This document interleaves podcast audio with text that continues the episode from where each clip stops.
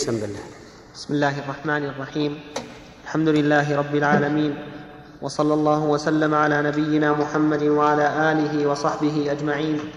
قال المؤلف رحمه الله تعالى فصل ويسن الأذان للفائتة لأن النبي صلى الله عليه وسلم فاتته الصبح فقال يا بلال قم فأذن ثم صلى ركعتين ثم أقام ثم صلى الغداة. متفق عليه وإن كثرت الفوائد أذن وأقام للأولى ثم أقام للتي بعدها لما روى ابن مسعود. عندكم متفق عليه؟ أنا عندي رواه أبو داود وروى نحوه أحمد والنسائي. من يراجع لنا؟ ها؟ عند؟ طيب اكتب. جيب لي كتاب اللي, اللي يلتزم بشيء يكتب نعم. أظن فيه تخريج إحنا ماشيين على التخريج. توقف؟ في احاديث كثيره مرت ما ما حد سال لا يا شيخ لازم. اي شفت عندي تخريج عبد القادر السندي مو بشيء. نعم. صليت قال ابن عباس من ذكر فائتة وهو مع الإمام. فليصليها ثم يعيد صلاة الغد أثر ابن عمر نعم. خرجته أنت؟ نعم. من رواه؟ رواه أبو يعلى ورواه البيهقي ورواه ابن عدي ورواه الكثير. واتفقوا على أنه ليس على أنه موقوف على ابن عمر زين. والمؤلف ساقه على أنه حديث مفهوم والدار قطني.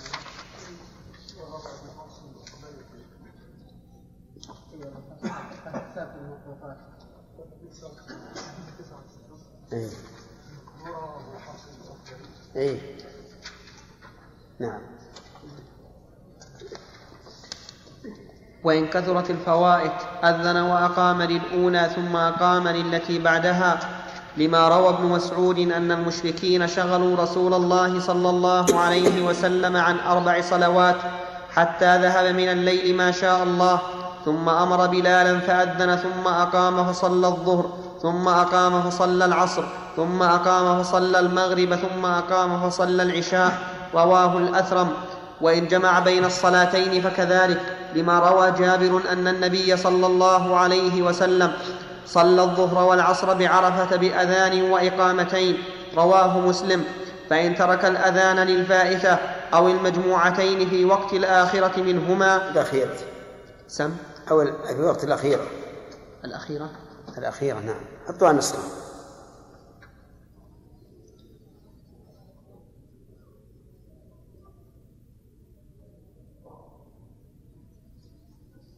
فإن ترك الأذان للفائتة أو المجموعتين في وقت الأخيرة منهما فلا بأس لما روي لما روي أن النبي صلى الله عليه وسلم صلى المغرب والعشاء بإقامة لكل صلاة من غير أذان متفق عليه. يقول يا شيخ روي ثم متفق عليه. أي نعم هذا- دائما يعبر فيها رحمه الله. وهذا عيب عند المحدثين. أن يقول للحديث الصحيح روي لأن روي من صيغة التمريض ولا تكون إلا في الأحاديث الضعيفة. والمؤلف رحمه الله أحيانا يقول روى ويجزم وهو ضعيف وأحيانا يقول روي وهو صحيح. والإنسان بشر. نعم. فصل ولا يصح الأذان إلا من مسلم عاقل. ولا يصح من كافر ولا طفل ولا مجنون لأنهم من غير أهل العبادات ولا يشرع الأذان ومن للنساء باب أولى أنه لا يصح من الشريك.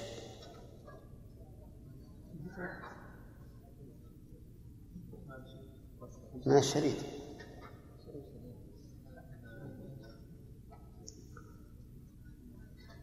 ما في إشكال. ما نسمع ما نسمع. أقول من باب أولى أنه لا يصح من الشريط شريط بالطاء.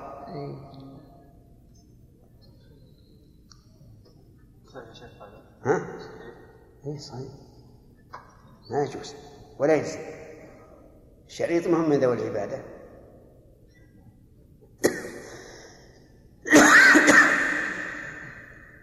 الان في الأردن في عمان عندهم طريقة في انه يجعلون جهاز موصل لجميع المساجد. يعني في جهاز مركزي إذا حان حان وقت الأذان يضغط الزر ويؤذن يعني جهاز في جميع المساجد بدون بدون مؤذن أذان موحد بدون مؤذن إيه.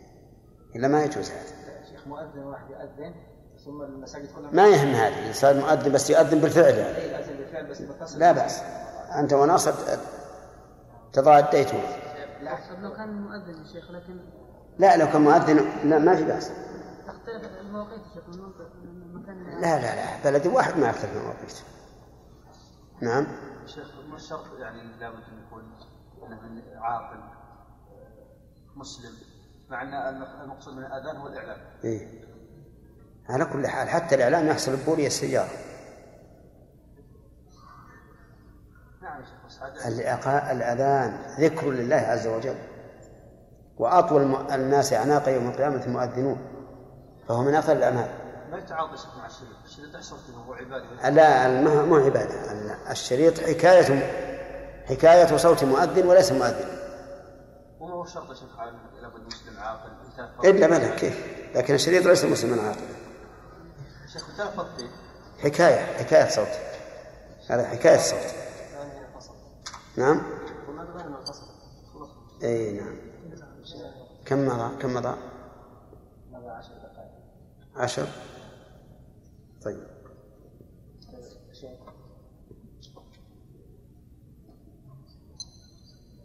اي نعم. لو كان مثلا المؤذن شيخ مريض ولم يجد من يكون يعني ما يجد؟ لا يجد. ما وجد أي واحد من المصلين تقول اذن يقول يأتي بعد الأذان. ما يخالف ولو كان بعد الأذان. لابد من مؤذن. هذا حكاية الصوت. ولا كان نقول مثل ما قال ناصر خلي المؤذن يحط مسجل ووقته وقت معين لأن فيه مسجلات الآن مؤقتات بالساعة. ويخليه يذن عندها الميكروفون وهنا من عندها له ولا بالمستشفيات ولا بالمطارات. ولا بالمستشفيات ولا ولا بالمطارات. ما يجزي. ما يجزي ابدا. لابد من ذكر. مسألة جواز شيء ثاني لكن الإجزاء. الإجزاء لابد أن يؤذنون والراديو أيضا إذا كان يعني مباشرة على الهواء فإنه يتابع وي- ويجي- ويجيب المؤذن كما يقول. إيه نعم. ولا يشرع الأذان للنساء ولا الإقامة ولا يصح منهن. لأنه يشرع فيه رفع الصوت ولسن من أهل ذلك ولا الخنث المشكل لأنه لا يعلم كونه رجلا. وفي أذان الفاسق والصبي العاقل وجهان أحدهما يصح لأنه مشروع لصلاتهما وهما من أهل العبادات والثاني لا يصح لأنه إعلام بالوقت ولا يقبل فيه خبرهما. وفي أذان الملحن وجهان أحدهما يصح. وفي قوله لا في أذان الفاسق والصبي الصحيح الصحة صحيح. القول الثاني. القول الأول. القول الأول أنه يصح. أذان الفاسق وأذان الصبي.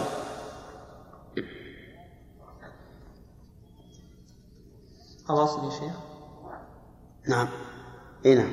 وفي وفي وفي أذان الملحن وجهان أحدهما يصح عندي لأنه نسخة النسخة اللي عندي وفي الأذان الملحن. نسخة حطوها نسخة.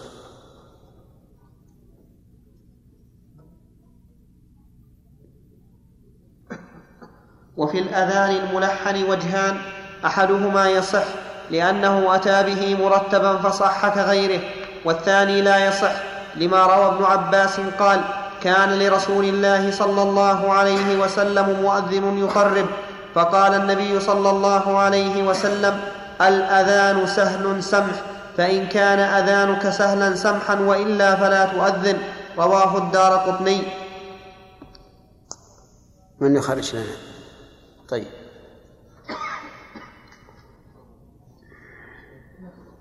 هذا ما يعيد أنه الأذان ملحن إيش؟ لا لا الملحن الملحن هو المطرب به الذي يجعل الإنسان كالأغنية. ما يصح. يقول فيه وجهان. ما عندك فيه وجهان؟ نعم. وفي نعم. انه ولا يقبل فيه خبرهم نعم. الرد عليهم أن أن الأذان إعلام لكنه إعلام له علامات ظاهرة. لو أذن في غيره وقته لعلم الناس كذبهما ولأن الكذب في هذا بعيد جدا. نعم. وفي أذان الجنب وجهان أحدهما يصح لأنه أحد الحدثين فلم يمنع صحته كالحدث الأصغر والثاني لا يصح لأنه ذكر مشروع للصلاة لأنه ذكر مشروع للصلاة يتقدمها أشبه الخطبة. الصحيح الصحة. الصحيح الصحة. لكنه لا ينبغي. لأن النبي صلى الله عليه وسلم قال أحببت أن لا أذكر الله إلا على طهر. فصل. وأما التعليل لعدم الصحة بأنه ذكر مشروع للصلاة يتقدمها أشبه الخطبة. فهذا قياس على غير متفق عليه. يعني قد يقول قائل حتى الخطبة تصح من الجنوب ما المانع؟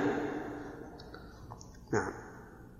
فصل ويستحب للمؤذن أن يكون أمينا لأنه مؤتمن على الأوقات صيتا. لأنه مؤتمن على الأوقات صيتا. لأن النبي صلى الله عليه وسلم قال لعبد الله بن زيد ألقه على بلال فإنه أندى صوتا منك. رواه أبو داود. ولأنه أبلغ في الإعلام المقصود بالأذان وأن يكون عالما بالأوقات ليتمكن من الأذان في أوائلها وأن يكون بصيرا لأن الأعمى لا يعلم إلا أن يكون معه بصير يؤذن قبله. كبلال مع كبلال كبلال كبلال مع كبلال. كبلال مع ابن أم مكتوم. فإن تشاح اثنان في الأذان قدم أكملهما في هذه الخصال لأن النبي صلى الله عليه وسلم قدم بلالا على عبد الله بن زيد لكونه أندى صوتا وقسنا عليه باقي الخصال فإن استويا في طيب ذلك قوله يستحب المؤذن أن يكون أمينا لأنه مؤتمن. وقد سبق أن المؤلف رحمه الله ذكر في أذان الفاسق وجهان أو وجهين فينبغي أن يكون في أذان غير الأمين وجهان لأن من لا يؤتمن لا يوثق بخبره. والثاني يقول أن يكون صيتا هذا واضح أنه أفضل. والثالث أن يكون عالما بالأوقات. هذه لو قيل أنه شرط لكن نقول نمنع من اشتراطه لأنه قد يعلم الوقت بغيره. فابن أم مكتوم لا يؤذن حتى يقال له حتى يقال له أصبحت أصبحت. نعم. فإن استويا في ذلك أقرع, أقرع بينهما لقول رسول الله صلى الله عليه وسلم لو يعلم الناس ما في النداء والصف الأول ثم لم يجدوا إلا أن يستهموا عليه لاستهموا متفق عليه. وتشاح الناس في الأذان يوم القادسية فأقرع بينه سعد. بينه يا شيخ؟ فأقرع بينهم. بينهم. سعد.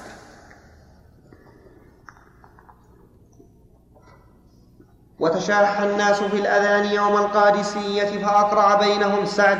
وعنه يقدم يقد وعنه يقدم من يرضاه الجيران لأن الأذان لإعلامهم فكان لرضاه فكان لرضاهم لر- فكان لرضاهم أثر في التقديم.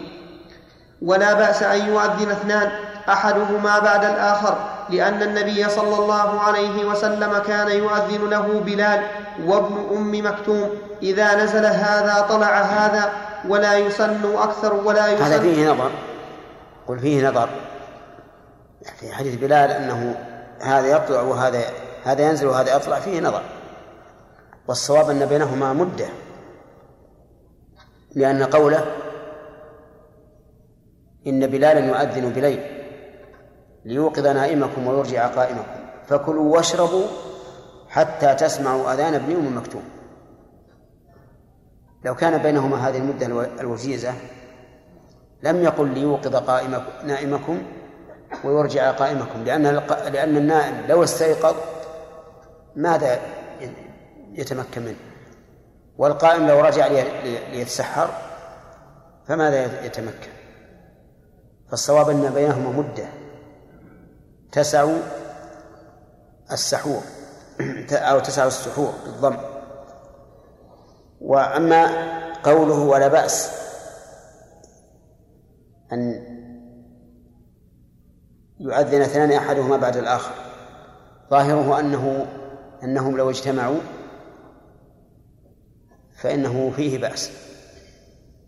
لأنهم يقولون إن اجتماعهم لا فائدة منه. لكن إذا كانوا واحدا بعد واحد فالذي لم يسمع الأول يسمع الثاني. أما أن أن يؤذنوا بصوت واحد فلا فلا فائدة من ذلك. وهذا في المسجد الواحد صحيح. في المسجد الواحد صحيح. أن يؤذن اثنان بصوت واحد هذا لا لا, لا وجه له ولا داعي له. إلا أن يكون المسجد واسعا. وله جهات واسعة بحيث يؤذن هذا في الجهة الشمالية والثاني في الجنوبية. في الجنوبية ليسمع الشمالي أهل أهل الشمال والجنوب أهل الجنوب. فهذا نعم لا بأس به. والمهم أنه إذا لم تدعو الحاجة إلى التعدد فإنه لا حاجة إليه. في عهدنا لو قال قائل في عهدنا إذن نقول أكثر المؤذنين يكره أذانه لأن الميكروفون يسمع يسمع إلى حد بعيد. قلنا لكن هؤلاء يؤذنون بصوت واحد كل واحد في مسجده, مسجده. نعم. ولا يسن أكثر من هذا إلا أن تدعو إليه حاجة فيجوز لأن عثمان اتخذ أربعة مؤذنين. نعم. بقي لهم سؤالان. ها؟ هذه لهم سؤالين الآن. ما شيخ قلنا أن مؤذن الملحن شيخ أنه لا يصح. لا يكره. يكره؟ نعم. نعم. تلحين غنى. ها؟ لا الحرام. هو بولحن. ما يلحن. لا. نعم. فصل. لو كان لا يرضاه الناس والأذان ملحن هل يقدر على غيره؟ كيف؟ لو كان لا يرضاه أهل الحي يرضون الرجل ما يرضى ما يقبلون. لا. فصل. فصل. يستحب أن يؤذن قائما لقول النبي صلى الله عليه وسلم لبلال قم فأذن. ولأنه أبلغ في الإسماع فإن أذن قاعدا أو راكبا في السفر جاز لأن الصلاة لأن الصلاة آكد منه أو أوكد منه. آكد. أوكد وآكد لأن الصلاة آكد منه وهي تجوز كذلك وأن يؤذن على موضع عال لأنه قوله تجوز كذلك يعني النافلة. وإلا الفريضة ما, ما لا تجوز قاعدا من غير عذر ولا على الراحلة من غير عذر. نعم. وأن يؤذن على موضع عال لأنه أبلغ في الإعلام وروي أن بلالا كان يؤذن على سطح امرأة ويرفع صوته لما روى أبو هريرة عن النبي. وروي أن بلال أن بلالا كان يؤذن على سطح امرأة ويرفع صوته لما روى لما روى أبو هريرة عن النبي صلى الله عليه وسلم أنه قال للمؤذن يغفر له مد يغفر له مد صوته ويشهد له كل رطب ويابس. رواه أبو داود. ولا ولأنه أبلغ في الأداء أيضا. و ولا يجهد نفسه فوق طاقته. لئلا ينقطع صوته. لئلا ينقطع صوته ويؤذي ويؤذي نفس ويؤذي نفسه. وإن أذ ولقول النبي صلى الله عليه وآله وسلم حين رفع الن- الناس أصواتهم بالتكبير أيها الناس أربعوا على أنفسكم. أيها الناس أربعوا على أنفسكم. يعني هونوا عليها.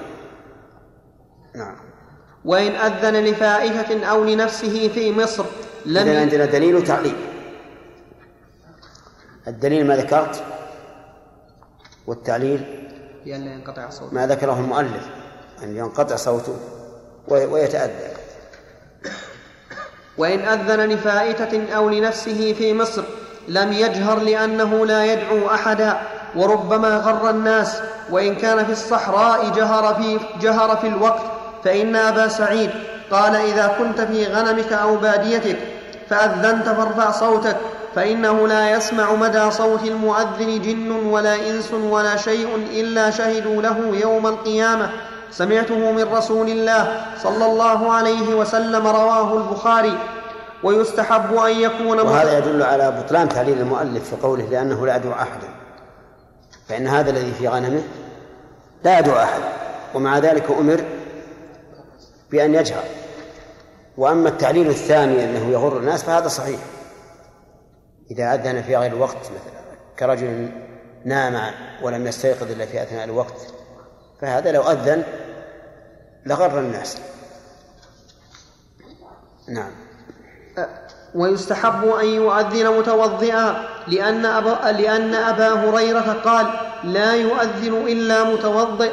وروي مرفوعا أخرجه الترمذي ويستحب أن يؤذن مستقبل القبلة ويلتفت يمينا إذا قال حي على الصلاة ويسارا إذا قال حي على الفلاح ولا يزيل قدميه ويجعل إصبعيه في أذنيه لما روى أبو جحيفة قال أتيت النبي صلى الله عليه وسلم وهو في قبة حمراء من أدم وأذن بلال فجعلت أتتب- أتتبع فاه ها هنا وها هنا يقول يمينا وشمالا حي على الصلاة حي على الفلاح متفق عليه وفي لفظ ولم يستدر ولم يستدر وأصبعاه في أذنيه رواه الترمذي ويستحب أن يترسل في الإذاء في ولأن وضع اليدين الإصبعين في الأذنين يزيد في قوة الصوت كما هو مجرب. نعم. ويستحب أن يترسل في الأذان ويحضر الإقامة لأن النبي صلى الله عليه وسلم قال يا بلال إذا أذنت فترسل وإذا أقمت فاحضر رواه أبو داود. ولأن الأذان إعلام الغائبين والترسل فيه أبلغ في الإسماع والإقامة إعلام الحاضرين فلم يحتج إلى الترسل فيه ويكره التمطيط والتلحين لما تقدم.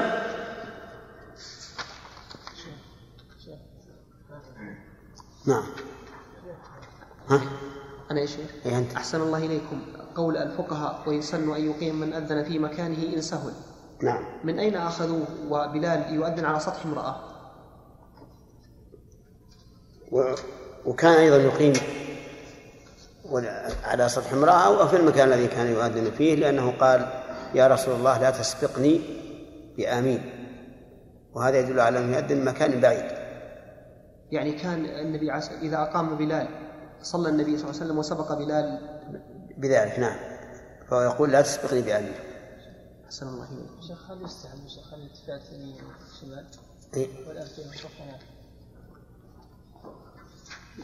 لا أظنها الآن لا فائدة من الالتفات يمينا وشمالا. ربما نقول لو التفت يمينا وشمالا آه، انخفض صوتك إذا كان اللاقط أمامك نعم لو أن المؤذن مثلا يؤذن وحصل له في أثناء الأذان حصل له يعني عذر ما أكمل الأذان يعني لو مثلا ممكن ي- يعني يبتدأ من جديد. يبتدأ. نعم. لا لا العبادة واحدة فصل ولا يصح الأذان إلا مرتبا متواليا لأنه لا يعلم أنه أذان بدونهما فإن سكت فيه سكوتا طويلا أعاد ولا يصح أن يبني على أذان غيره. لأنه عبادة بدنية فلم يبني لأنها أو لأنه؟ لأنه. طيب ماشي. لأنه عبادة بدنية فلم يبن فعله على فعل غيره كالصلاة فإن أغمي عليه فإن أغمي عليه ثم أفاق قريبا بنى وإن طال الفصل ابتدأ لتحصيل, المو... لتحصيل الموالاة. تحصل لتحصل الموالاة. نعم. وإن طال الفصل ابتدأ لتحصل الموالاة وإن ارتد في أثنائه بطل أذانه لقول الله تعالى لئن أشركت ليحبطن عملك ويكره الكلام فيه فإن تكلم بكلام طويل العلماء رحمه الله يصورون أشياء قد لا تقع ارتد بأذانه. مثلا يقول أشهد أن محمد رسول الله. ثم يقول في نفس الوقت أشهد أن محمدا كاذب ارتد الآن. لا بد أن يستأنف الأذان لأنه بطل. والمسألة فرضية. نعم. ويكره الكلام فيه فإن تكلم بكلام طويل فإن, فإن تكلم بكلام طويل ابتدأ لإخلاله بالموالاة وإن كان يسيرا بنى لأن ذلك لا يبطل الخطبة وهي آكد منه إلا أن يكون كلاما محرما. ففيه وجهان أحدهما لا يبطل لأنه لا يخل بالمقصود والثاني يبطل لأنه فعل محرما فيه.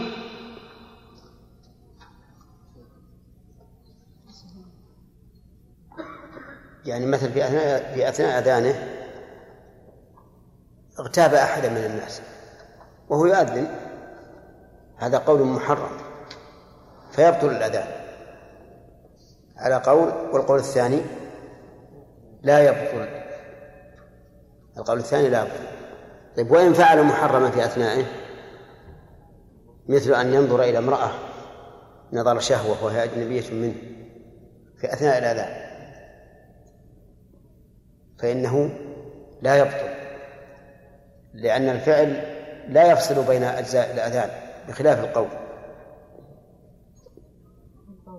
نعم. والله في نفس من البطلان شيء. لأن هذا هذا قول محرم لكنه لا يقطع الموالاة لأنه يسير. استشهاد الآية يقول لا مستقبل عمل نعم. استشهاد يعني ظهر أهل العلم أن حبوط عمل المرتد لا يكون إلا بعد الموت. وهنا حبط عمل في حياة صحيح. له شرط يشترط يشترط لبطلان عمله أن يموت على الردة لقوله تعالى ومن يرتد منكم عن دينه فيموت وهو كافر فأولئك حبط أعماله لا شك. بطل عمله أي هو الآن بطل. الآن بطل. يعني ارتد في أثناء العبادة. بطلت العبادة. ما يبني؟ ما يبني. طيب. حتى لو تاب. لو تاب في الحال ما بنى. طيب لو ارتد وقد حج قبل الارتداد نعم. ثم ثم تاب ولا ما ولا إيه ما يبطل الحج ولا الصوم الأول ولا الصلاة الأولى. كيف بطل؟ لأنه في أثنائه لو أذانها للفجر مثلا هو ارتد في أذان الظهر أذان الفجر ما يبطل. يبطل أذان الظهر الذي حصلت فيه الردة. والحج كذلك والحج لو ارتد به بطل الحج. ما يتم ما يتم. ولو تاب. مرتدة إيه؟ نقول هذا الآن مرتد. المرتد ما ما يخاطب بالإسلام إلا إذا أسلم. أجزاء بارك الله فيكم. أنتم لا لا بد أن تعلموا. الردة في أي عمل إذا وقعت في أثنائها أبطلت مهما كان العمل. صيام صلاة حج أي أي شيء. نعم. يا شيخ قلنا اجزاءها منفصلة لا لا هذا هذا نعم لو لو تصدق ريال فالحج ثم ارتد. بطلت. آه لم تبطل العشرة الأولى. الحج آه، ما هو أجزاء الحج آه، عبادة واحدة.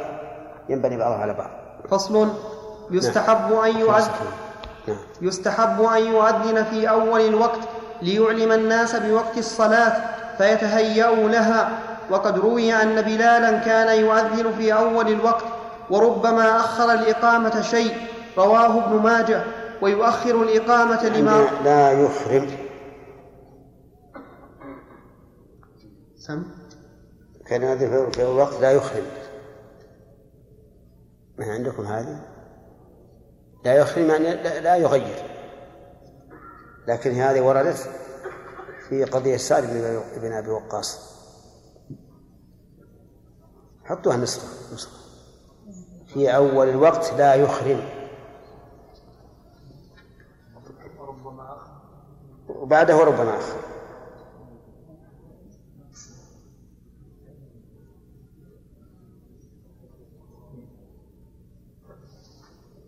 وقد روي أن بلالا فصل ويستحب أن يؤذن في أول الوقت لا يخرم ليعلم الناس بالوقت لا نعم يا شيخ. الثاني ويستحب. ويستحب أن يؤذن في أول الوقت نعم. لا يخرم في أول وقت. أي نعم. لا يخرم ليعلم الناس. ما به لا يخرم وقد روي بلالا كان في يؤذن في أول وقت لا يخرم نعم. يعني هذا حديث لا يخرم أي اللي في الحديث نعم. وقد روي أن بلالا كان يؤذن في أول الوقت لا يخرم وربما أخر الإقامة شيء. رواه ابن ماجه. كيف وي- شيء؟ شيء عندكم؟ أي. شيء الألف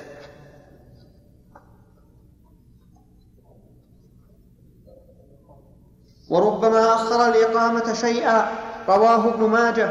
ويؤخر الإقامة لما روى جابر أن النبي صلى الله عليه وسلم قال لبلال اجعل بين أذانك وإقامتك. قدر ما يفرغ الآكل من أكله والشارب من شربه والمعتصر إذا دخل لقضاء حاجته. رواه أبو إذا- إذا دخل الخلاء.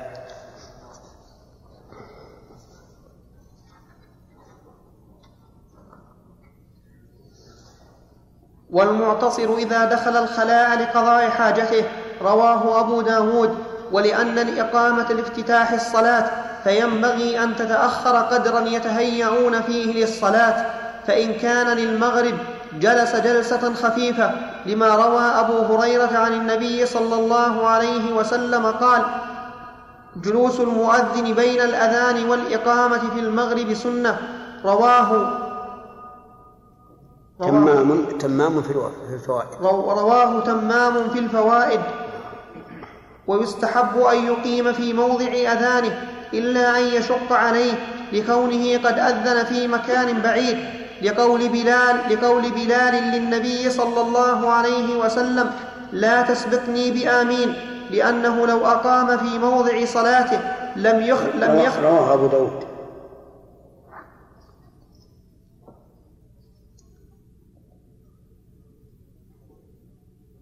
رواه أبو داود. لقول بلال للنبي صلى الله عليه وسلم لا تسبقني بآمين. رواه أبو داود. لأنه لو أقام في موضع صلاته لم يخف سبقه بذلك. ويستحب لمن أذن أن يقيم. لما روى زياد بن الحارث الصد الصدائي أنه السدائي سم؟ السدائي أنني مشددة. إيه. السدائي مشدد الصاد. لا الدال. الدال؟ لا ما هي المعروف التخفيف.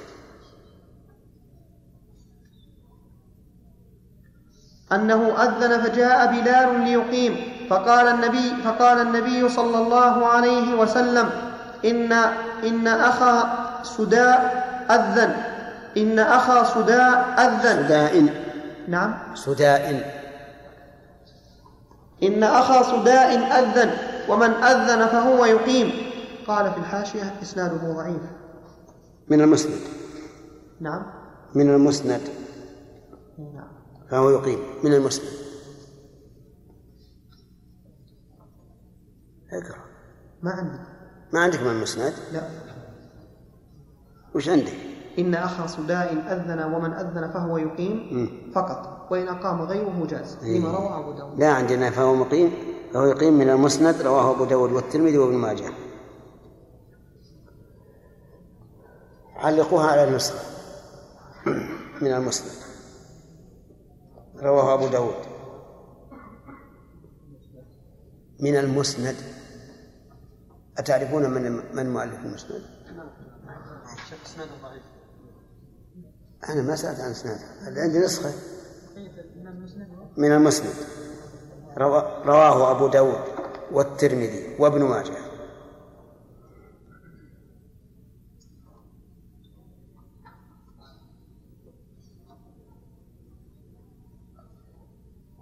إن أخا صداء أذن ومن أذن فهو يقيم من المسند رواه أبو داود والترمذي وابن ماجه وإن أقام غيره جاز لما روى أبو داود في حديث الأذان أن النبي صلى الله عليه وسلم قال ألقه على بلال فألقاه عليه فأذن بلال فقال عبد الله أنا رأيته وأنا كنت أريده قال فأقم أنت.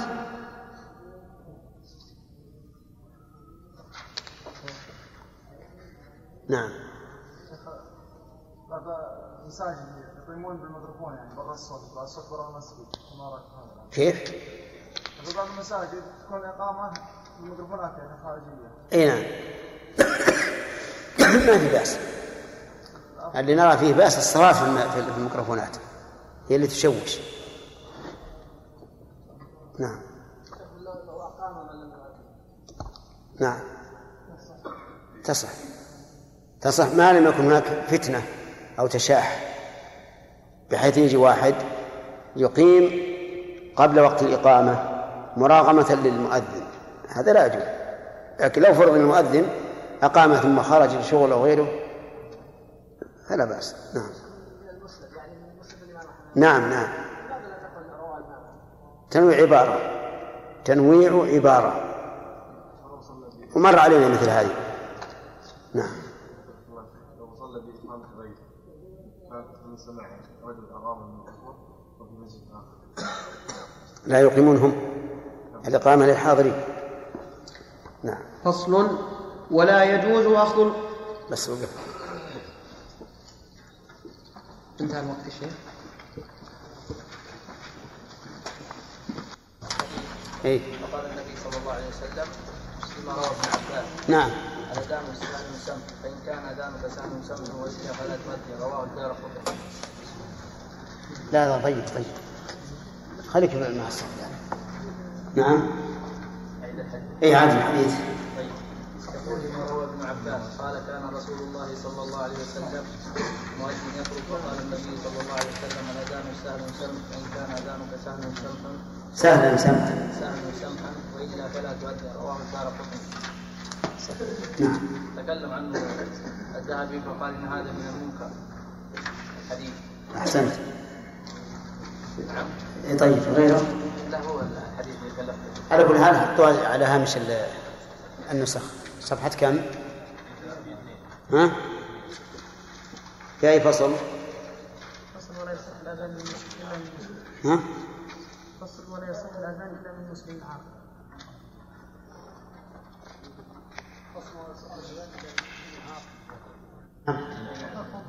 يقول هذا حديث منكر طيب طيب في ها؟ في حديث آخر الشيخ في بحث آخر إن الأذان سهل سمح فإن كان فإن كان ذلك فإن كان أذانك سهلا سمحا وإلا فلا تؤذن هذا دار- إن الذهبي قال إنه منكر؟ ها؟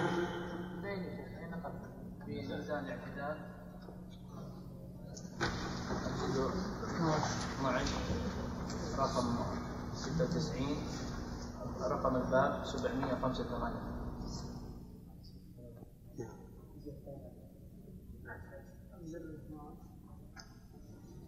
سم بالله بحث اخر الشيخ بحث آخر ما هو؟ داوود بن داود حاضر بن داود ظاهر مسافر ما هو؟ لا يخل لا يخل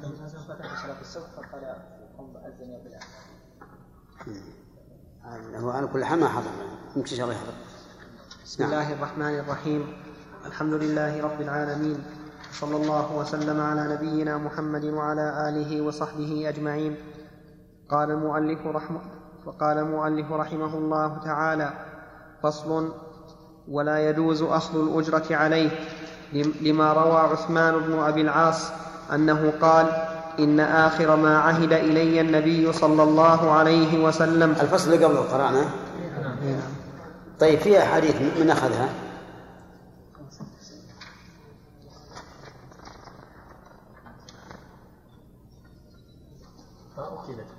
ما أخذت لازم إحنا قالت إنها تؤخذ ها؟ إيش؟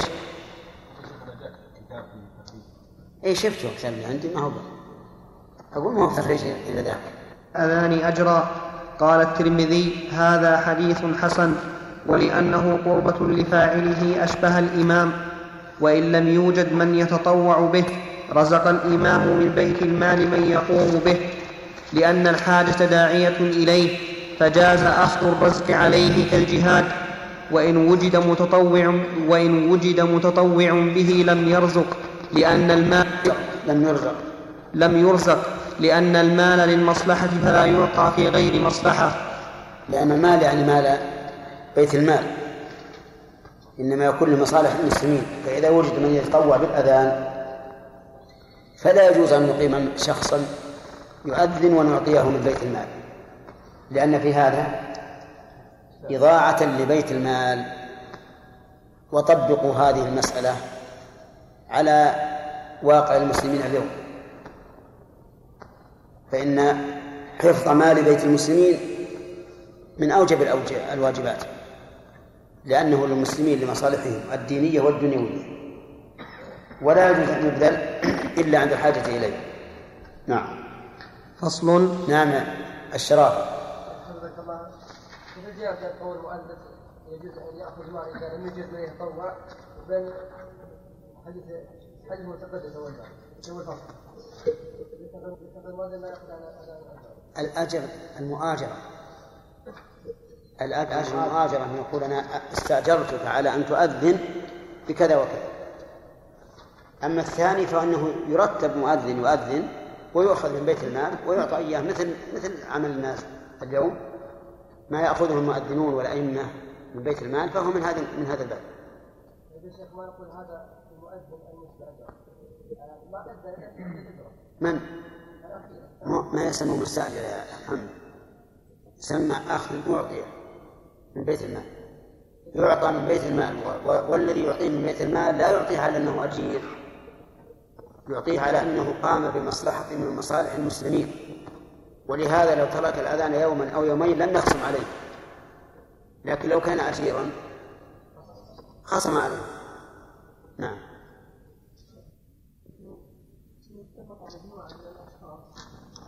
بأن يعطوا شخصا ما مبلغا معينا يؤذن له فلا بأس.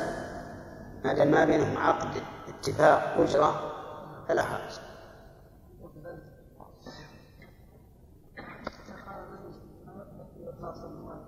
مسألة الإخلاص النية؟ إذا أذن ليأخذ فهو ما, ليس له أجر. وإن أخذ ليؤذن فلا بأس؟ ويستحب لمن سمع المؤذن أن يقول مثل ما أن يقول مثل ما يقول. لما روى أبو سعيد أن النبي صلى الله عليه وسلم قال إذا سمعتم النداء فقولوا مثل ما يقول. متفق عليه. ويقول عند الحي ويقول عند الحي لا حول ولا قوة إلا بالله. لما روى عمر بن الخطاب رضي الله عنه قال قال رسول الله صلى الله عليه وسلم الأصل في الأمر. فيجب على أن من سمع المؤذن أن يقول مثل قوله. وفي الصحيح أنه مستحب. وفيه بيان فضل الله عز وجل حيث جعل للسامع شركا في أجر المؤذن. فإن الأذان لا يكون كل واحد ولكن من سمع فتابع حصل له هذا وعلم المؤلف أنه لا يستحب أن يقول مع المقيم مثل ما يقول. لأنه قال إنما سمع لمن سمع المؤذن أن يقول مثل ما يقول. والإقامة ليست أذانا لا حقيقة ولا حكما لحديث أنس بن مالك رضي الله عنه أمر بلال أن يشفع الأذان ويوتر الإقامة. ففرق بينهما. ولقول النبي عليه الصلاة والسلام إذا سمعتم المؤذن فقولوا مثل ما يقول المؤذن. وقال إذا سمعتم الإقامة فامشوا إلى الصلاة. ولم نأمر بأن نقول مثل ما يقول. وفرق بين حكم الإقامة وحكم الأذان في من سمعهما. وقد ورد في هذا حديث لكنه حديث ضعيف. أن أن الإنسان يقول مثل ما يقول المقيم. لكنه ضعيف لا تقوم به حجة وقال بعض العلماء إنه يقول مثل ما يقول المقيم لحديث بين كل أذانين صلاة. والرسول يقول إذا سمعتم المؤذن فقولوا مثل ما يقول المؤذن فسمى الإقامة أذانا. فيقال إن هذا من باب التغليب لأن الإقامة لها لفظ خاص ومعنى خاص وحكم خاص. فهي مباينة للأذان لكن إذا ذكرت معه على سبيل التغليب فهذا سائغ في اللغة في اللغة العربية. وفهم من قول المؤلف رحمه الله بل من سياق الحديث. آه، حديث من قال حين يسمع النداء وأنا أشهد أن قول رضيت بالله ربا وبمحمد رسولا وبالإسلام دينا تكون عند قول أشهد أن لا إله إلا الله وأشهد أن محمدا رسول الله. فهاتان مسألتان. المسألة الثالثة أن من سمعه وهو يصلي فإنه لا يجيب لأن ذلك يشغله عن صلاته. وقال شيخ الإسلام رحمه الله بل يجيب. ولو كان في الصلاة. لأن ذلك ذكر. وجد سببه في الصلاة فليكن مشروعا. كما شرع للعاطس أن يحمد الله. وكما شرع لمن استولى عليه الشيطان في صلاته أن يتعوذ بالله من الشيطان الرجيم. ولكنه فيما نرى قياس مع الفارق. لأن الحمد لله عند العطاس والاستعاذة بالله من الشيطان الرجيم. هذه لما الأولى قليلة لا تشبه. فلا يصح قياس الأذان عليها الذي سيأخذ منك وقتا. وأما الثانية فهي لمصلحة الصلاة وهي الاستعاذة بالله من الشيطان الرجيم عند تسلط الشيطان عليه هذه ثلاث مسائل. ويبقى النظر أو السؤال يبقى السؤال إذا تعدد المؤذنون فهل نجيب كل مؤذن؟ نقول ظاهر الحديث نعم. إذا سمعتم المؤذن وهذا عام. وقد قال الفقهاء رحمهم الله يسن أن نجيب مؤذن ثانيا وثالثا. ما لم يصلي فإن صلى الصلاة التي فعلها فإنه لا يجيب المؤذن الذي يؤذن لها. وعللوا ذلك بأنه غير مدعو بهذا الأذان لأنه قد أدى الفريضة. فإذا كان غير مدعو بهذا الأذان فلا وجه لقوله لا حول ولا قوة إلا بالله عند قول المؤذن حي على الصلاة وعلى هذا فلا يسن له إجابة المؤذن إذا كان قد صلى. المسألة الرابعة في هذا الفصل. الراجح أنه لا يجيب إذا صلى. وأنه قبل يجيب كل مسألة. لكن إذا اختلطت أصواتهم وصاروا يؤذنون جميعا فإنه يجيب من بدأ أولا. بإجابته فإن غلبه الثاني بصوته أجاب الثاني وعدل عن الأول. أما إذا كان يمكنه إدراك صوت الأول الذي شرع في إجابته فليستمر عليها. المسألة الخامسة والرابعة. الخامسة. أنه يستحب الأذان بي... الدعاء بين الأذان والإقامة. سواء كنت في صلاة أو في غير صلاة. بل إذا كنت في صلاة فإنه يتأكد أكثر إذا سجدت. لتجمع بين السببين سببي الإجابة وهما الزمن والهيئة. ما هو الزمن؟ بين أذان والإقامة والهيئة السجود. نعم.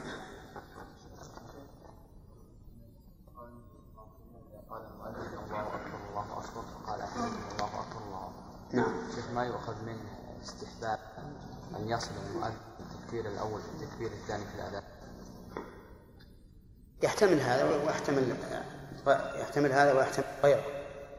لكن وصل التكبير ثبت عن النبي عليه الصلاة والسلام أنه يجوز أن تصل التكبيرتين الأوليين بعضها ببعض نعم. ظاهر كلام المؤلف لا.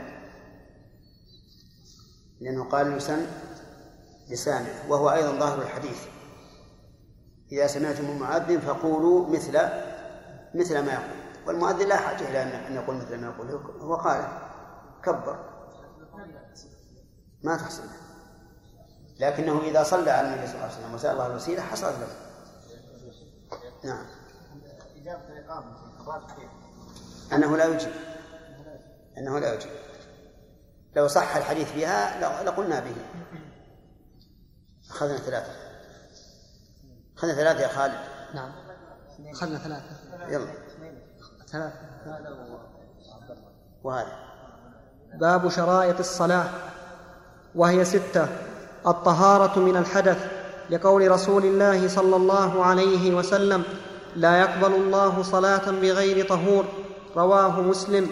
والثاني الطهارة من النجس الطهارة من النجس لقول النبي صلى الله عليه وسلم لأسماء في دم الحيض حتيه ثم اقرصيه ثم اغسليه وصلي فيه فدل على أنها ممنوعة من الصلاة فيه قبل غسله فمتى كانت عليه في بدنه أو ثيابه نجاسة مقدور على إزالتها معفو عنها. غير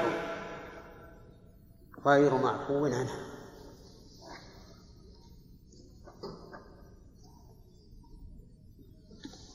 فمتى كانت عليه في في بدنه أو ثيابه نجاسة مقدور على إزالتها غير معفو عنها لم تصح صلاته. وإن جبر عظمه بعظم النجس فإن طيب بس أول شروط الصلاة أو شرائط الصلاة شرائط جمع شريطة. وشروط جمع شرط. ولهذا عندي باب شرائط الصلاة وهي ست وهي ستة. نعم. وهي ست عند بالتأنيث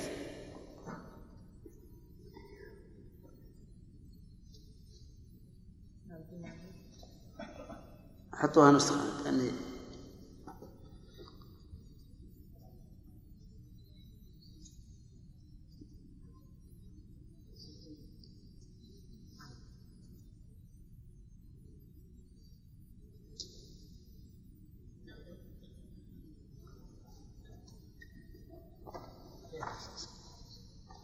نعم.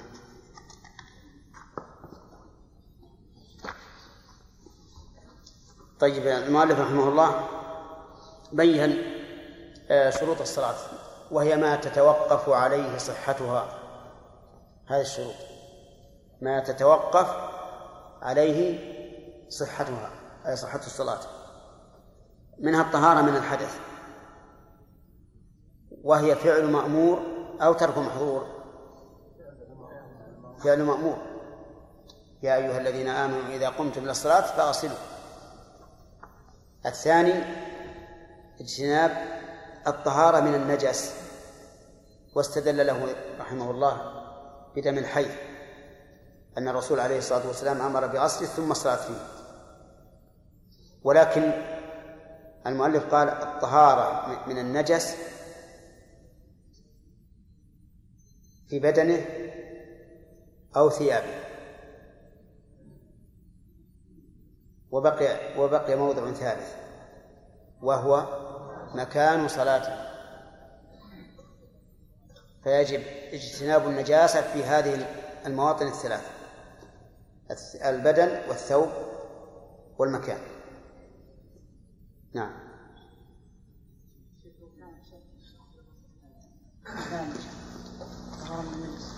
نعم. صلى ولا نجاسة في جسمه من بعد الصلاة. ما نعم. هي هي شرط الصحة مع الذكر مع الذكر والعلم. لا هي شرط. الظاهر إنها شرط. لأن الرسول قال في في, في اجتناب النجاسة ثم صلي فيه. بعد ما يزيل يصلي فيه. ولأن جبريل أتى النبي صلى الله عليه وسلم حين صلى في نعل فيه فيهما قدر فخلعهما.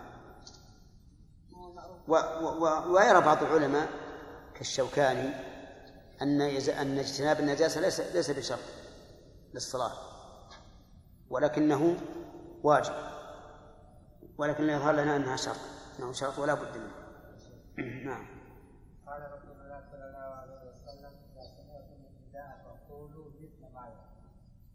المثليه في في نفس الحروف ولكن شكل كذلك والخطاب من اي من اي شيء والمثل قال مثل المثل هو يكون بثمان اجزائه مثلا من جهه والحروف وغيره والخطاب من اي حتى نقرأ. هل أنت الآن إذا سمعت المؤذن ترفع صوتك وتؤذن كما يؤذن؟ لا إني أقول والثقة من أين وخلق ماذا تقولون؟ يقول هل قول قولوا مثل ما يقول حتى في صفة الأذان يعني بمعنى أن نجهر به نعم ها؟ فماذا تقولون؟ لا في الحروف والترتيب صحيح. أما في الصوت فلا. ووجه ذلك. عمل الصحابة رضي الله عنهم. فما كان كل واحد منهم يرفع صوته حتى يكون كالمؤذن؟ هذه واحدة. والتعليل أن المؤذن إنما يرفع صوته لإعلام الناس. إذ لا يمكن حصول الإعلام إلا برفع الصوت. وأما هذا فيتابع من أجل الأجل ابتداؤه معه ويا بعد الانتهاء لا بعد وهذا إيه. لأنه قولوا مثل ما يقول لا يصدق عليه أنه قال الله أكبر حتى يتم الله أكبر واضح؟ نعم.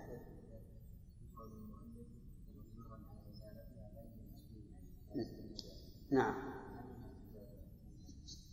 إيه. يصير الدم اللي مر علينا. يصير الدم النجس معفو عنه. يصير عند شيخ الإسلام كل شيء يشقه يشق عليه يشق فهو معفو عن يسير. بل عنده رحمه الله كل النجاسات معفو عن يسير. إنما على المذهب منها ما يعفى عن يسير كالدم ومنها ما لا يعفى عن يسير كالبول. فصل. وإن جبر عظمه بعظم النجس نعم. عندك فصل؟ لا ما عندي. لكن لعلك أردت الفصل معنا لكن يعني الفصل اقصد الكلام حتى حتى نقرأ. جبر. فإن جبر لم يلزمه قلعه إذا خاف الضرر وأجزأته صلاته لأن ذلك يبيح ترك التطهر من الحدث وهو آكد. ويحتمل أن يلزمه قلعه إذا لم يخف التلف لأنه لا يخاف التلف أش لأنه لا يخاف التلف أشبه إذا لم يخف الضرر. إذن اللي عندي أصح. لأن اللي عندكم فإن جبر يحتاج إلى مقابل ولم يذكر هنا. الصواب إذن وإن جبر جبر عظمه بعظم نجس فجبر. نعم. إيه فإن اشطبوا عليه حطوا بدله فاء.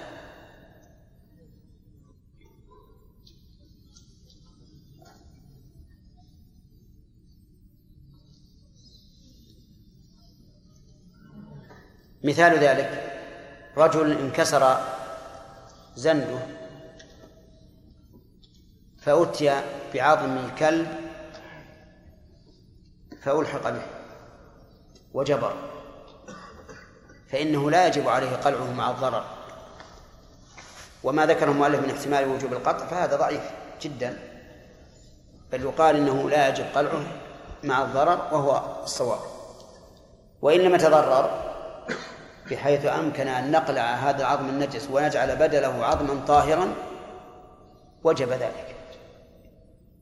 أما الآن ولله الحمد بعد تقدم الطب فقد صار يج... صاروا يضعون بدله إما بلاستيك أو حديد أو ما أشبه ذلك. نعم.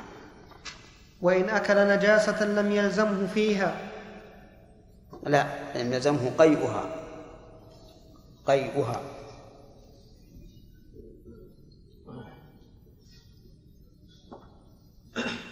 وإن أكل نجاسة لم يلزمه قيئها لأنها حصلت في معدته فصارت كالمستحيل في المعدة.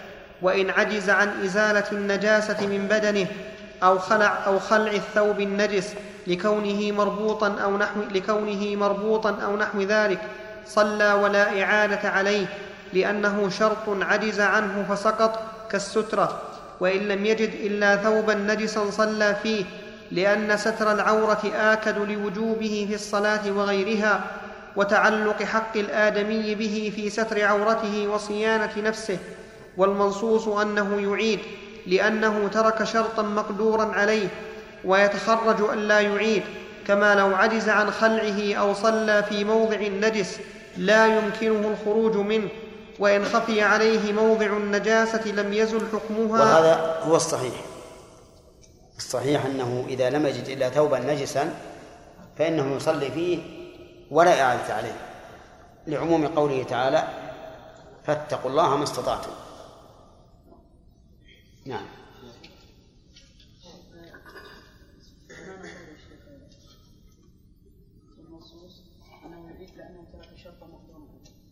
المنصوص يعني عن أحمد.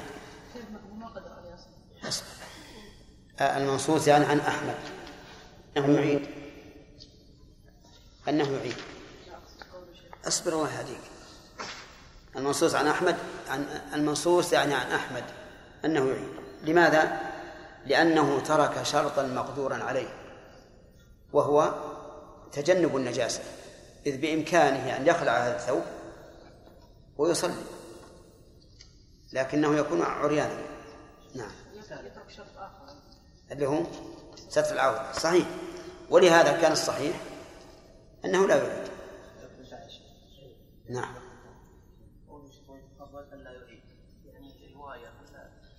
يتخرج نعم لا يعيد بين بين وجه التخريج.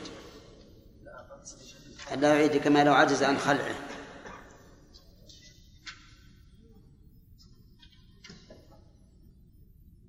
إيش الإشكال؟ يعني على الرواية مسألة أخرى. التخريج معناه نقل حكم مسألة إلى مسألة أخرى. يشبه ما يعرف عند الأصوليين بالقياس. ما هو التخريج على أي شيء؟ قال يتخرج كما يتخرج أن لا يعيد كما لو عجز عن خلعه. مش بعده؟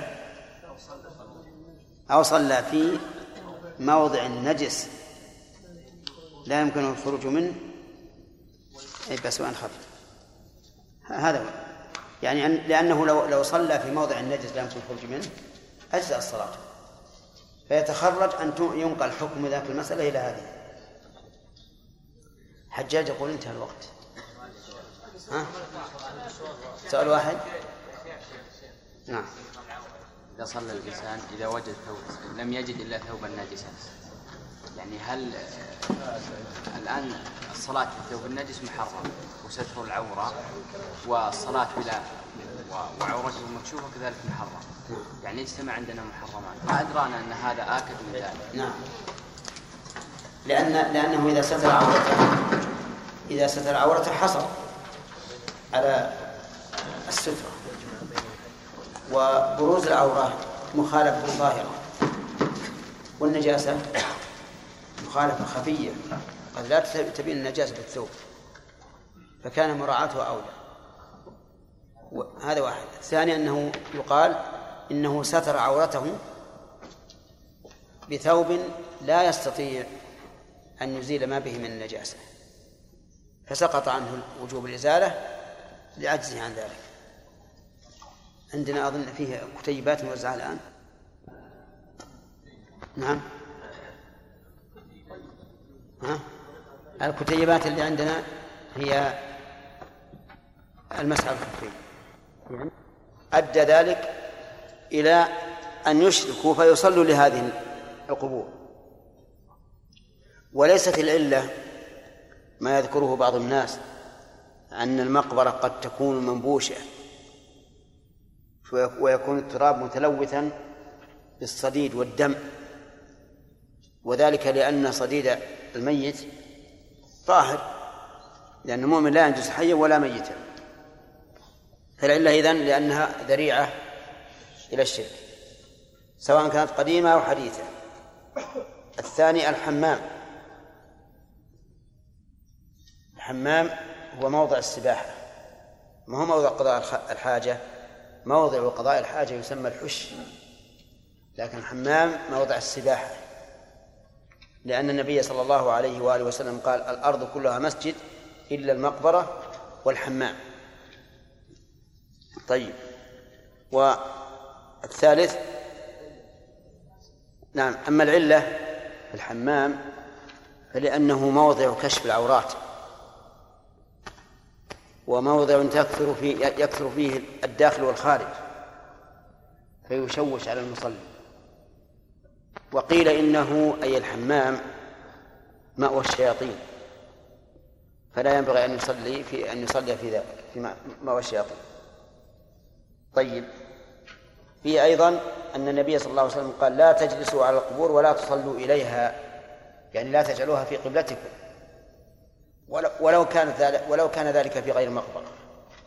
فلا يجوز للإنسان أن يجعل القبر أمامه لأنه يشبه عابدا. الموضع الثالث أعطان الإبل. أعطان الإبل لا يصلى فيها وهي التي تقيم فيها وتأوي إليها. وقيل أعطان الإبل ما تقف به ما تقف فيه بعد الشرب. فإنه جرت العادة أن الإبل إذا شربت آه، انحازت إلى مكان ثم جعلت تبوك وتروث فتعطن ثم ترجع فتشرب. تشرب عللا عللا يسمونه العلل من أجل أن تملأ بطون بطونها من الشراب. المهم أعطان الإبل لا تصح الصلاة فيها لماذا؟ لنهي النبي صلى الله عليه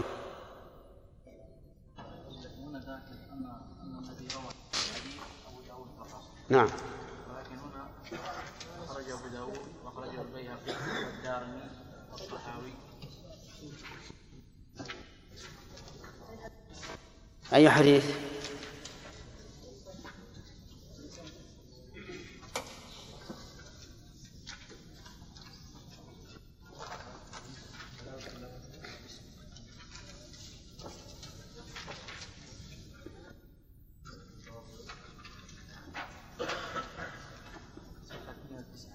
من أي حديث؟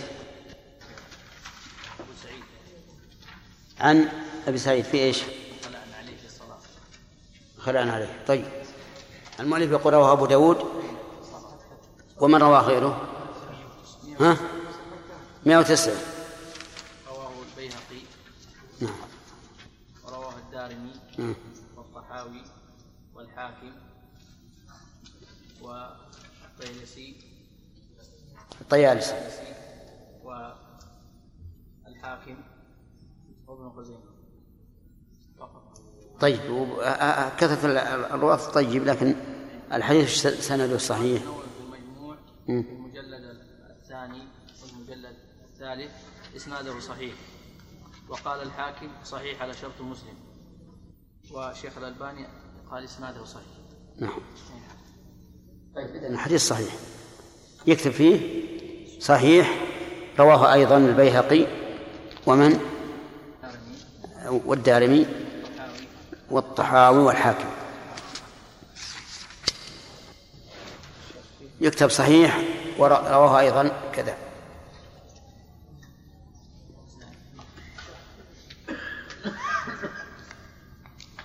البيهقي والدارمي. والحاكم والطحاوي. وابن خزيمة. طيب. ها؟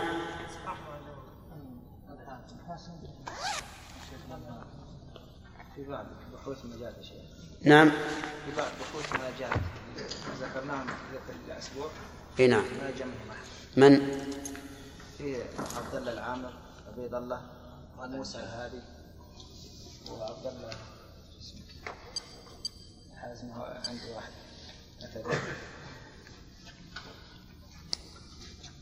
محمد الجاد الحربي. خلف المطير هذا لم لم أراه محمد الجريد أيضا لم أراه نعم. عنده واحد يا جماعة احرصوا احرصوا على التخريج؟ عشان نعلق على الكتاب. لا تنسوا.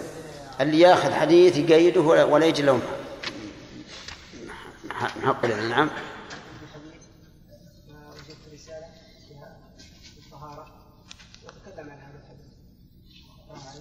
من من رسالة من رسالة الله. اي وش يقول الحديث ما هو صفحة 72 صفحة 72 في باب الحيض في قول النبي صلى الله عليه وسلم لا تقرأ الحائض ولا الجنوب شيئا من القرآن. نعم. يقول الشيخ ريحان والحاصل أن هذا الحديث الذي اعتمده الجمهور دليلا لتحريم قراءة القرآن على الحائض قد ورد من ثلاثة طرق، الطريق الأول عن إسماعيل بن عياش، والطريق الثاني عن عبد الله بن مسلمة، عن, عن عبد الملك بن مسلمة، والطريق الثالث عن رجل مجهول عن أبي معشر، وكلها عن موسى بن عقبة، وقد عرفت أن هذه الطرق كلها ضعيفة لا تصلح لبناء الحكم عليها. نعم. يقول أن سند هذا الح- الحديث ضعيف.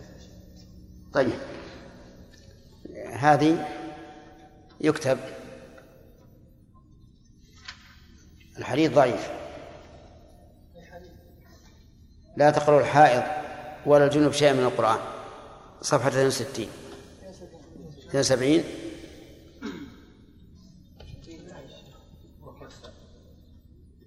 ها. وجدتوه؟ ضعيف. ضعيف. قال شيخ الإسلام ابن تيمية ليس في منع الحائض من قراءة القرآن.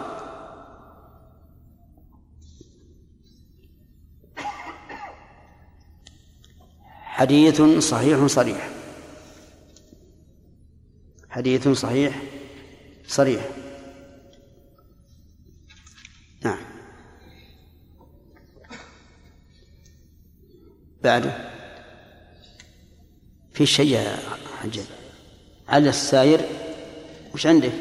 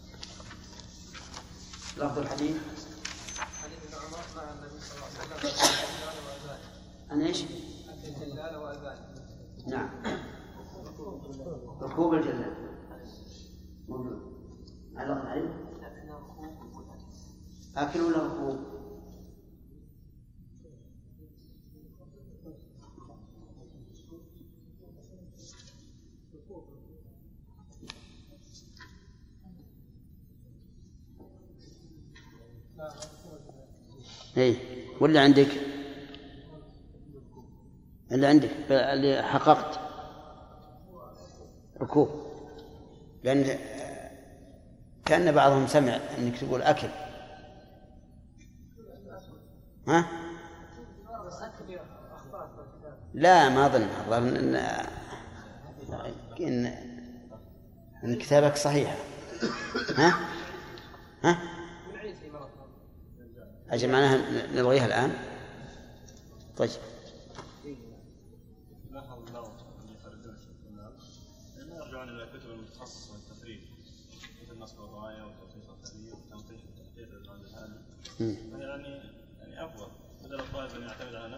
نفسه كيف؟ يمكن يعتمد على نفسه. ويخطئ خطأ يعني. إي نعم. ولا شك إن الاعتماد على كتب المخرجين أحسن. أقول أحسن. عبد المنان ما حضر الظاهر ما أشوف. شيخ لو كنت تخريج قبل الدرس أساس ما يحصل ما يحصل تبي نكلفك بهذا؟ لكن يا شيخ افضل كذا نتشتت نرجع صفحه 15 صحيح. صحيح صحيح شو نسوي؟ على فيه تعرفون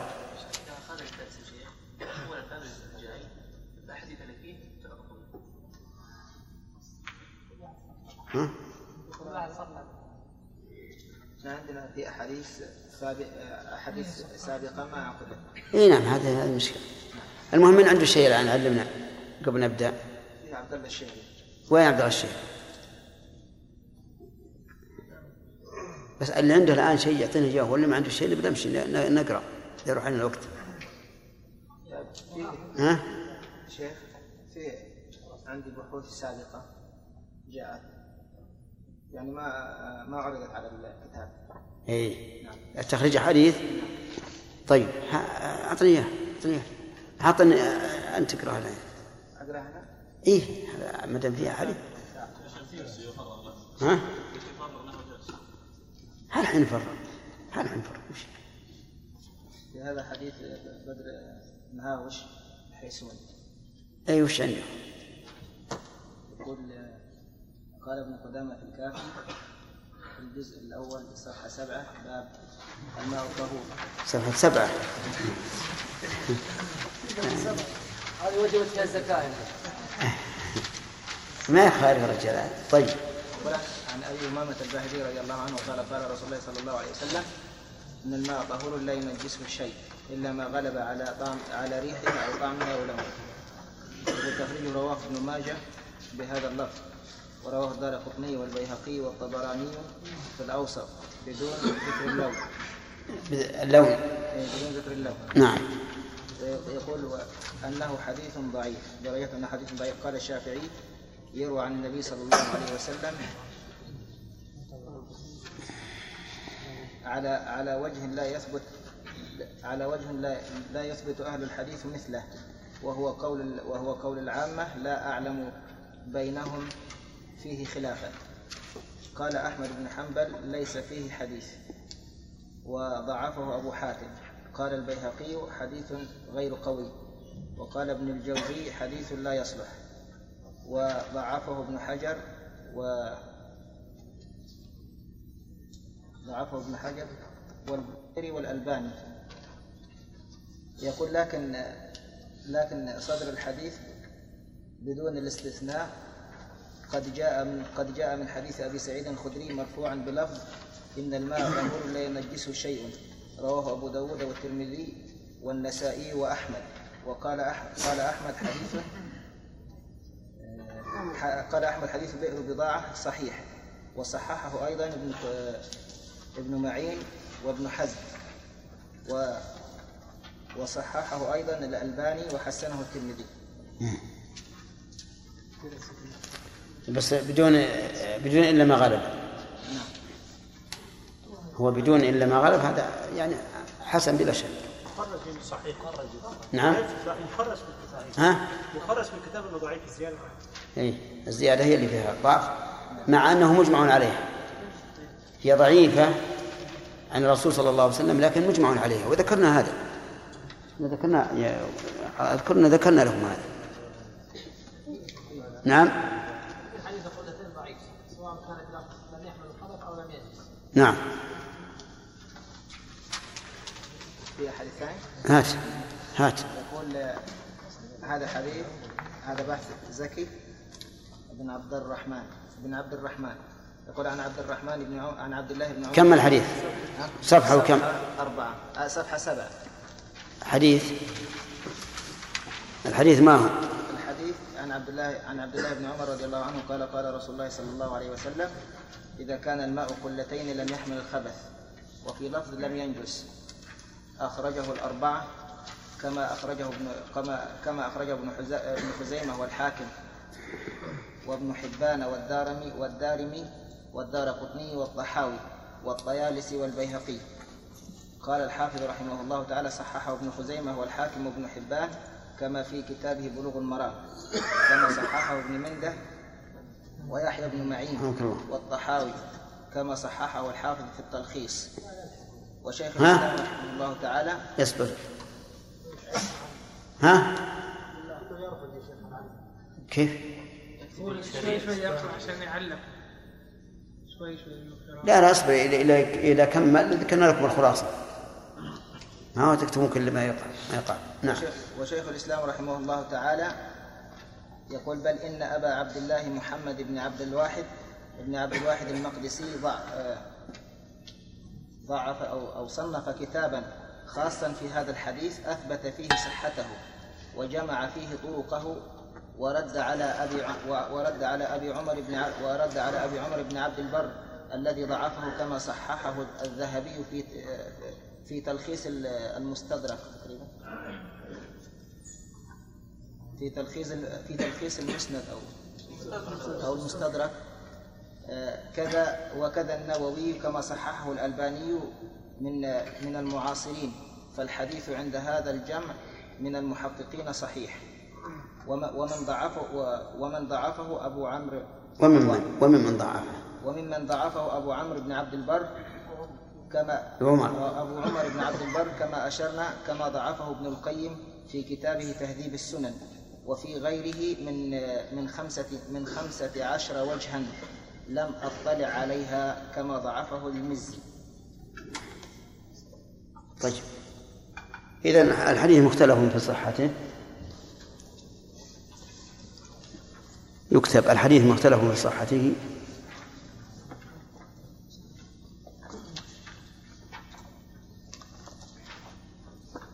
وتضعيفه.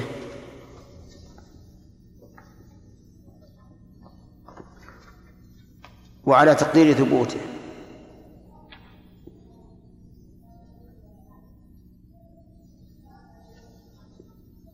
فإن حديث الماء طهور لا ينجسه شيء.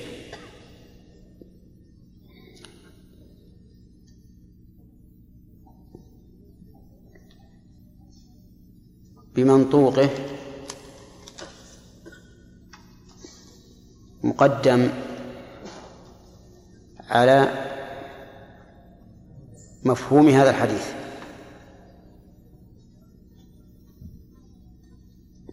نعم. حديث آخر. يقول صاحبه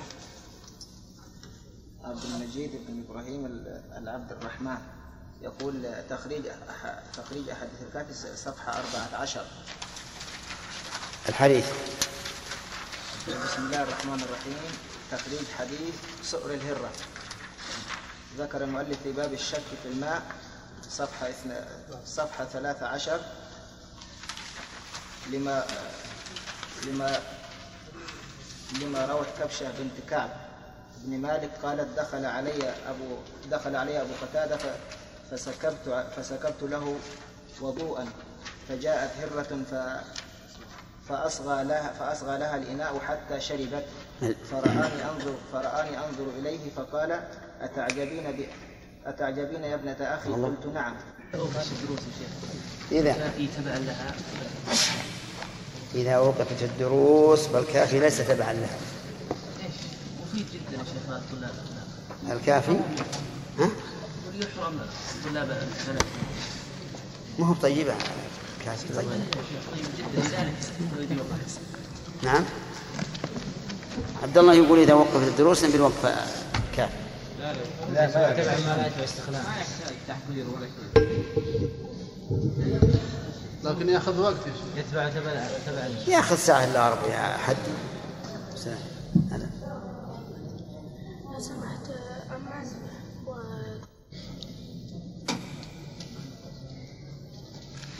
نعم سم. بسم الله الرحمن الرحيم. الحمد لله رب العالمين والصلاة والسلام على نبينا محمد وعلى آله وصحبه أجمعين. قال المؤلف رحمه الله تعالى وضم بعض أصحابنا إلى هذه المواضع أربعة أخر المجزرة وهي موضع الذبح وال والمزبلة وقارعة الطريق وظهر بيت الله الحرام فجعل فيها الروايات الثلاث لما وجدتها. طيب. ها؟ خفض. نعم. يقول أعد أعد. وضم بعض أصحابنا. وضم بعض أصحابنا إلى هذه المواضع أربعة أخر. المجزرة وهي موضع الذبح والمزبلة وق... والمزبلة وقارعة الطريق وظهر بيت الله الحرام. فجعل فيها الروايات الثلاث لما روي عن عمر بن الخطاب أن النبي صلى الله عليه وسلم عن, قال عن ابن عمر. عن ابن عمر. عن عمر عندي. عن ابن عمر. عندي عن ابن عمر. تصحيح.